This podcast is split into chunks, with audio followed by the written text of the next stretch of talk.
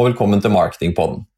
I denne podkasten ønsker vi å gi deg et innblikk i medieverdenen, presentert av Karat, Norges største mediebyrå. Hei og velkommen til ny fersk episode av Marketingpodden. Jeg, Mats Stangeby, sitter her eh, som vanlig sammen med Simen Smedsberg Kneppe. og Vi får ikke komme i studio helt ennå, Simen. Vi hadde kanskje håpa det, men vi får vente litt til. Ja, vi må dessverre det. Heldigvis så er vi jo i mai, og vi nærmer oss både sommer. Det får være både Hva skal jeg si? Eh, litt både gulrota her. Eh, at vi nå liksom nærmer oss litt fri, vi nærmer oss litt varme og ikke minst litt sol. Eh, så det er jo veldig, veldig bra.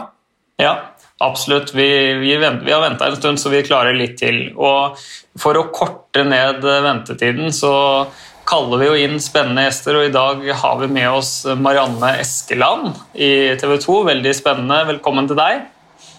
Takk. Hei. Du kan jo kanskje fortelle litt først hvem du er, og hva som er rollen din i dag? Ja. Jeg ehm, jobber med en av de viktigste satsingene vi holder på med i TV 2 om dagen. og Det er å fornye TV 2-merkevaren. Jeg har vært i TV 2 siden høsten 2019 og har full fokus gjennom eh, korona med å få på plass eh, i første omgang en ny visuell identitet. Men det skal vi snakke litt mer om.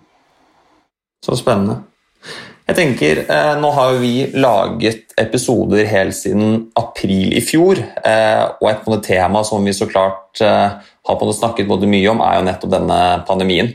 Og jeg lurer på, på litt for å starte, Hvordan har egentlig pandemien rammet dere?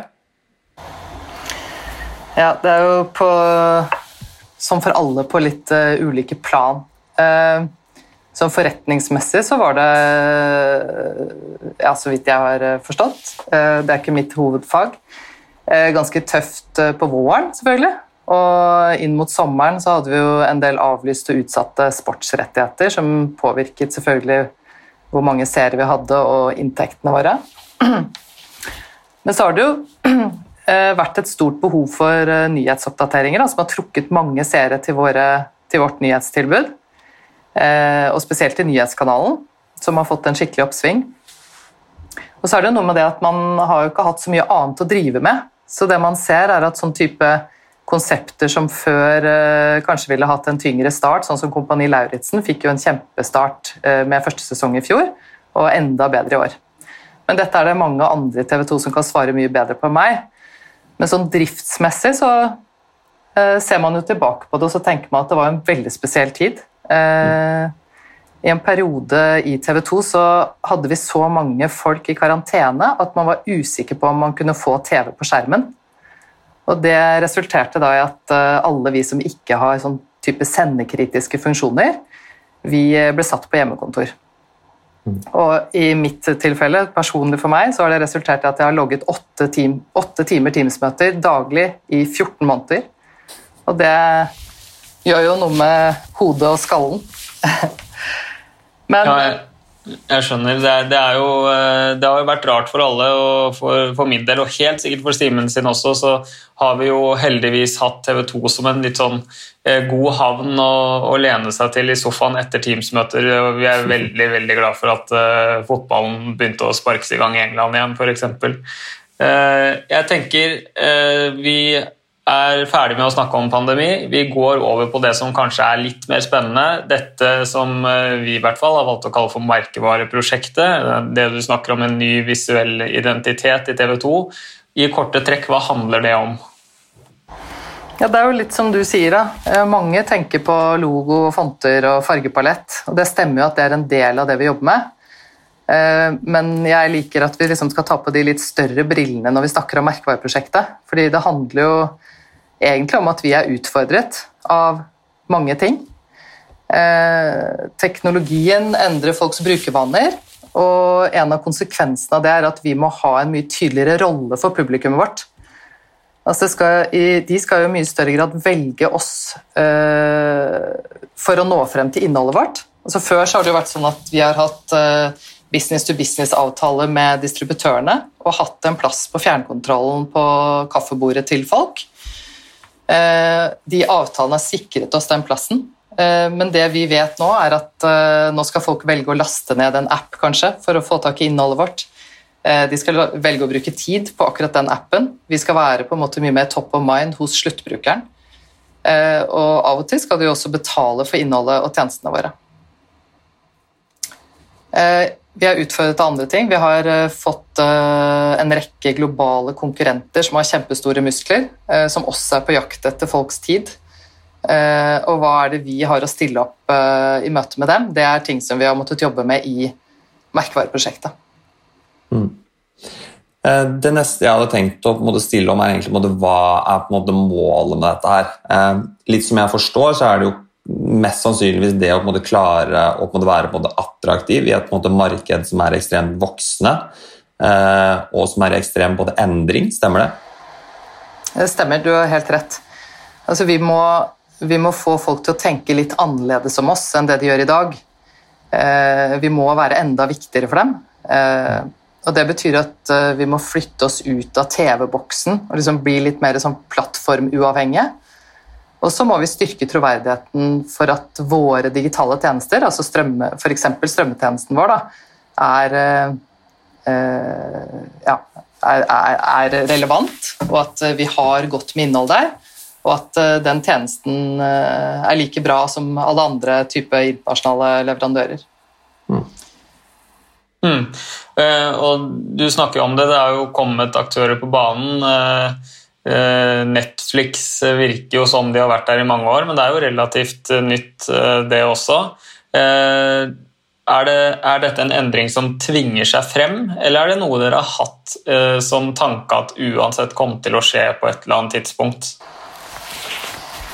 Eh, det tvinger seg jo absolutt frem. Vi ser jo at vi har en eh, fallende eh, kurve både på kjennskap og på preferanse. Så den gruppen som ikke ser på oss som relevante og ikke kjenner til oss, vokser. Og den kurven har vi lyst til å snu. Vi har i utgangspunktet 97% kjennskap i befolkningen, noe som er kjempegøy å jobbe med for en merkevarenerd som meg. Men det er på en måte en, en trend vi ser at ikke, ikke, går riktig vei. Da. Så um, vi må sikre at uh, de oppvoksende generasjonene på en måte opplever oss som relevante og velger å oppsøke oss. nettopp fordi vi har denne utfordringen med teknologien, og også fordi vi har disse globale konkurrentene som, som også ønsker å vinne kampen om folks tid.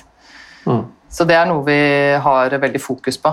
Og det å mm. på en måte definere hvilken rolle, hvilken rolle er det vi skal spille, hva er det som gjør oss annerledes enn Netflix. Eh, vi kan ikke konkurrere på den samme arenaen som dem. Eh, hvilken arena er det da vi skal skape inn i strømmetjenesten vår f.eks.? Hvordan kan vi tilby et helt annet type produkt enn det, enn det Netflix gjør, f.eks.? Mm. Eh, er det noen spesielle målgrupper som dere på en måte ser at man slipper, eller som dere er nødt til å ha spesielt måte, fokus mot? Og på en måte påvirker det hvordan dere typen, ser på litt med innovasjon og på tjenesteutviklingen? Da? Absolutt. Altså, vi er jo uh, veldig sterkt assosiert med det vi kommer fra. Vi ble jo lansert som den uh, første kommersielle uh, kringkasteren i Norge. Eh, og, og, introdusert som en konkurrent til eh, TV-kanalen NRK. Eh, vi, vi, er jo mye mer enn en TV-kanal. Nå er vi på en måte et mye bredere selskap som har mange ulike plattformer og tjenester hvor vi presenterer innholdet vårt. Og det, det må vi på en måte fokusere på da, for å nå frem til de målgruppene som vi ser at, at vi ikke treffer like godt. Da, som er de yngre målgruppene som ikke velger å sette seg ned Eh, sammen med mamma og pappa foran eh, lineær TV.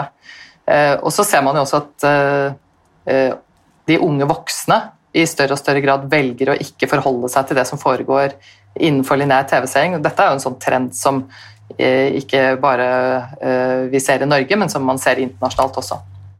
Mm.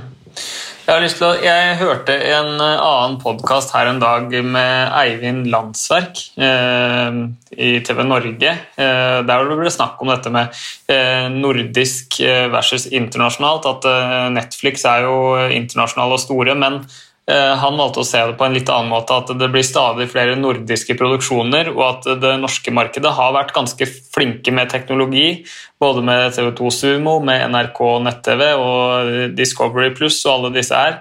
Eh, er du med på den tankegangen om at eh, Norge ligger relativt langt fram i skoa på teknologi og strømming og de tingene der, og at man kan ha litt entusiasme inni denne endringen også?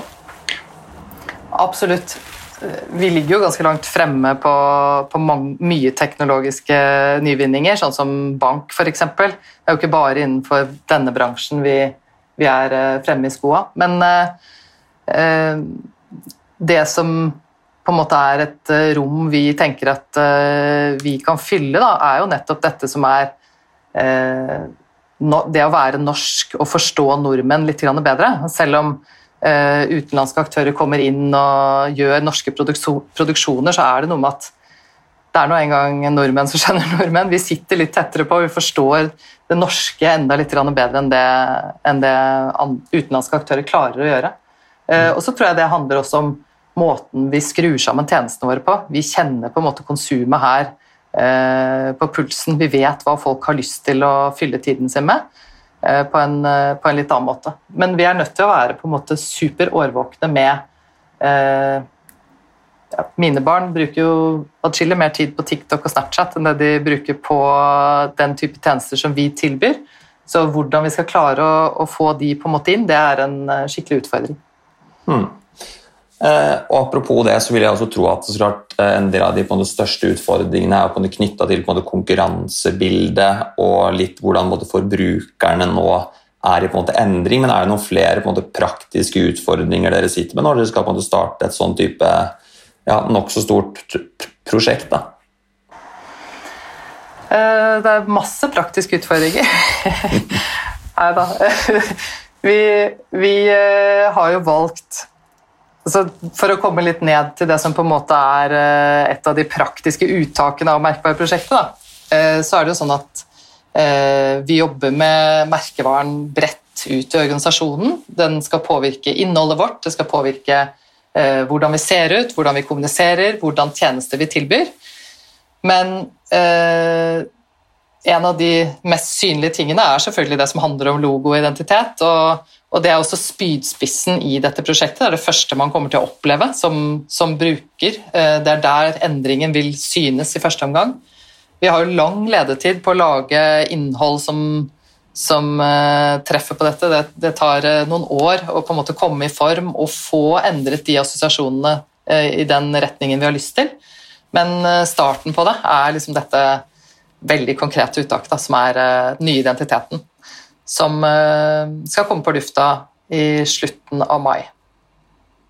Ok. Eh, praktiske utfordringer det er, ikke noe, det er ikke til å stikke under et stol at dette er et ganske sånn stort prosjekt. Der, eh, når det kommer til dette med den visuelle identiteten, så er det ekstremt mange internt, mange designere som hele tiden forvalter identiteten vår. Det gjør at dette prosjektet skiller seg veldig fra andre identitetsprosjekter jeg har jobbet med tidligere det, det, krever eh, mye involvering da, fra, fra, de interne ressursene. Og så eh, krever det at vi har eh, en identitet som det er mye strekk i. fordi vi, vi har jo utrolig mye forskjellig type innhold og forskjellige kanaler og plattformer som vi skal servere innholdet vårt i. Og da må vi ha en identitet som kan både tilpasse seg det, men også leve over lang tid. Da. Og, og kunne være ja, hjelpe oss med å kunne differensiere på ulike måter. Litt sånn uh, avslutningsvis, uh, Marianne, så sier du at uh, publikum vil se en endring i logo. det er vel kanskje den første sånn ordentlig merkbare endringen. Hva slags andre endringer vil publikum merke dersom de ikke har visst om dette merkevareprosjektet på forhånd? Håpet vårt er jo at de skal begynne å tenke litt annerledes om oss. Eh, men det er på en måte det, det store målet, som vi ser at vil ta et år, kanskje to år, før vi ser effekten av det arbeidet vi gjør nå. Man vil oppleve det i forhold til innholdet vårt, at det blir en dreining i, i hva slags innhold vi tilbyr. Man vil se en endring i måten vi altså Hvilket innhold vi ønsker å løfte frem i kommunikasjonen vår. Og så vil man oppleve det visuelle, selvfølgelig. Og så skal vi på lufta med et nytt kommunikasjonskonsept i løpet av høsten, som, som vi håper at folk vil like.